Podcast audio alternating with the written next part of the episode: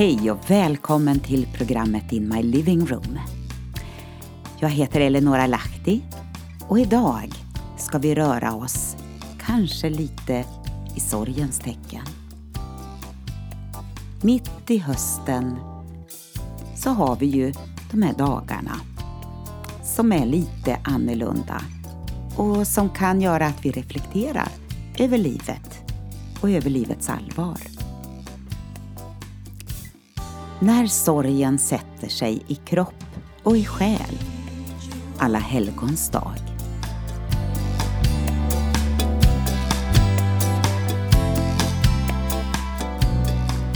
Dagen började med en promenad i skogen. Jag tog med en sekatör och plastpåse för att få med lite material till en höstdekoration vid ytterdörren. Granris, kottar, nypon och en kvist med mossa på. Ja, det var vad jag kom hem med. Och nu är det först halloween, sen allhelgonadagen och sen alla helgons dag. Vilken blandning av galenskap och allvar och man får en känsla av att vi har svårt i vår tid att möta livets verkligheter utan att skämta bort ett och annat. Men Buttericks var visst de som introducerade den anglosaxiska halloween-traditionen i Sverige på 80-talet. Och sida vid sida säljs nu skelett och gravljus. Men i ensamhetens kammare, där kommer livets allvar i fatt med ångest och gråt. Mycket stängs in i våra själar som aldrig fick ett utlopp. Det härjar runt där inne och försöker finna en väg till bekräftelse och att bli synliggjord. Men eh, smärta i kropp och själ blir dess boning och uttryckssätt. Det tog mig nästan 40 år att förstå vad obearbetad sorg hade satt för spår i mig. Jag ligger som tioåring och läser Fem på Mystiska Heden. Jag hade just kommit hem ifrån sommarens simskola och lunchen var avklarad. Så händer det. I ett nu är min pappa borta. Jag kan inte minnas att jag blev sedd och uppmärksammad i sorgen. Det enda jag kommer ihåg är orden Vi fortsätter som om inget har hänt. Jo, ett märkligt minne till har jag.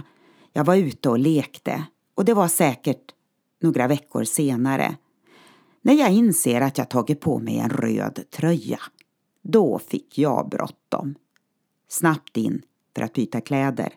Det gäller ju att inte göra fel. Vilka praktexempel på hur man kan paketera in sorg i kropp och i själ. Glöm bort det hela. Se till att du är duktig. Låt det se fint ut på ytan. Var inte till besvär. Tillsammans med Jesus gick jag vägen tillbaka till barndomen. Och där började ett helande. För i den andliga världen finns inte tid och rum. Och från Ann-Marie, en nära vän, så påminde hon mig om de här orden. För min själ ut ur fängelset så att jag kan prisa ditt namn. Det rättfärdiga ska samlas omkring mig, ty du gör väl emot mig. Ifrån psalm 142 och vers 8. Idag ser jag tillbaka och vet att Jesus varit där före mig i sorgen. Någon har sagt, det är inte självklart att vi tar oss tid att sörja.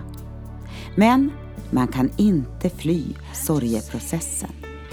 Förr eller senare kommer den ifatt som en obetald räkning. Idag tar vi oss tid, tid att sörja, för det som vi inte tidigare tagit oss tid till.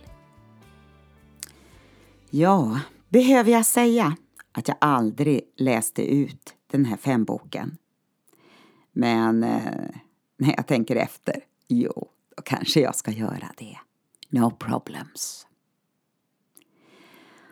Och till mina kära föräldrar Gustav och Tyra vill jag säga tack. Ni visade mig, hjälpte mig och tränade mig in i det viktigaste man kan ge sitt barn. En gudstro och en relation med Jesus. Det vill jag att mina barn ska kunna säga om mig också. En dag.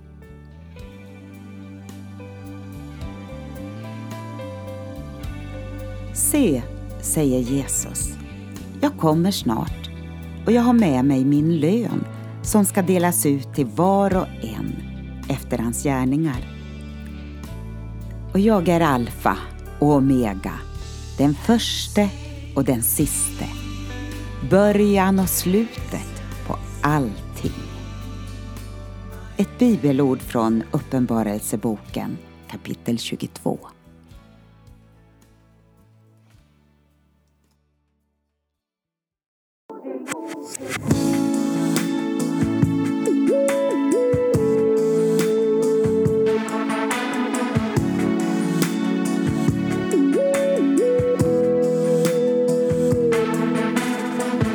Jag vet vilka tankar jag har för er, säger Herren, nämligen fridens tankar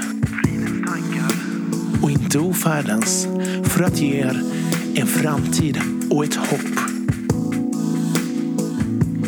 Fridens tankar, en framtid och ett hopp. Jag vet vilka tankar jag har för er, säger Herren. Jag vet vilka tankar jag har för er. Jag vet vilka tankar jag har för er, säger Herren. Jag vet vilka tankar jag har för er, nämligen fridens tankar, inte ord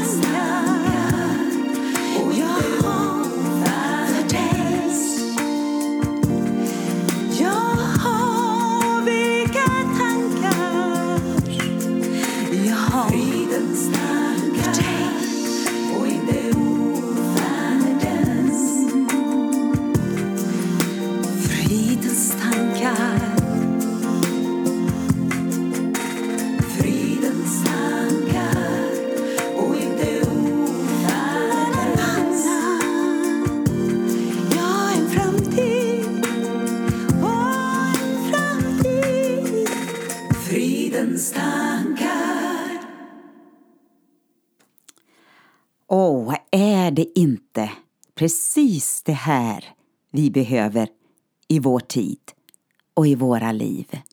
Fridens tankar. Det finns så mycket som distraherar, som stör, som tynger, som smärtar.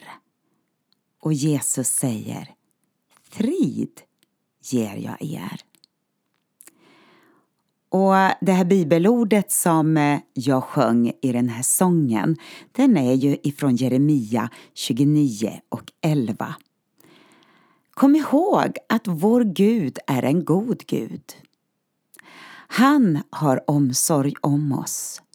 Och du och jag har möjlighet att lyssna in och ta in hans ord och låta det få vara vår karta och kompass i livet.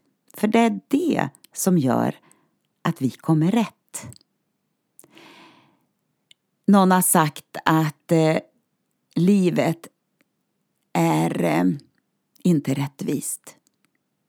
Men Gud är god. Och det kanske låter lite motsägelsefullt. Men vi måste komma ihåg att den här världen vi lever i är en fallen värld. Och den lever och den finns under förgängelsen. Men mitt i allt det vill Gud bära oss, stärka och uppmuntra oss. Så jag bara önskar dig en riktigt bra dag fastän vi kan möta de här sakerna som eh, tynger ner. Plocka fram din bibel. Läs Guds ord. Och låt den helige Ande uppenbara ordet för dig. Och det kanske låter lite diffust och konstigt. Vad då? Uppenbara? Ja, det står faktiskt att det är som en slöja för våra ögon om inte vi har tagit emot Jesus. Låt Jesus få bli din Herre, din Mästare, han som du vänder dig till. Han som vill skapa någonting nytt i dig och göra dig till en ny skapelse som Bibeln talar om. Och så tror jag att jag bara avslutar med en enkel bön för dig. Jag tackar dig Jesus för att var och en som har lyssnat här idag kan få vända sina hjärtan till dig Gud. Och jag ber om att de ska upptäcka att Jesus Kristus är vägen, sanningen och livet rakt in i deras situation. Jag tackar dig för en ny och härlig dag. En välsignad dag för oss allesammans. I Jesu namn. Amen.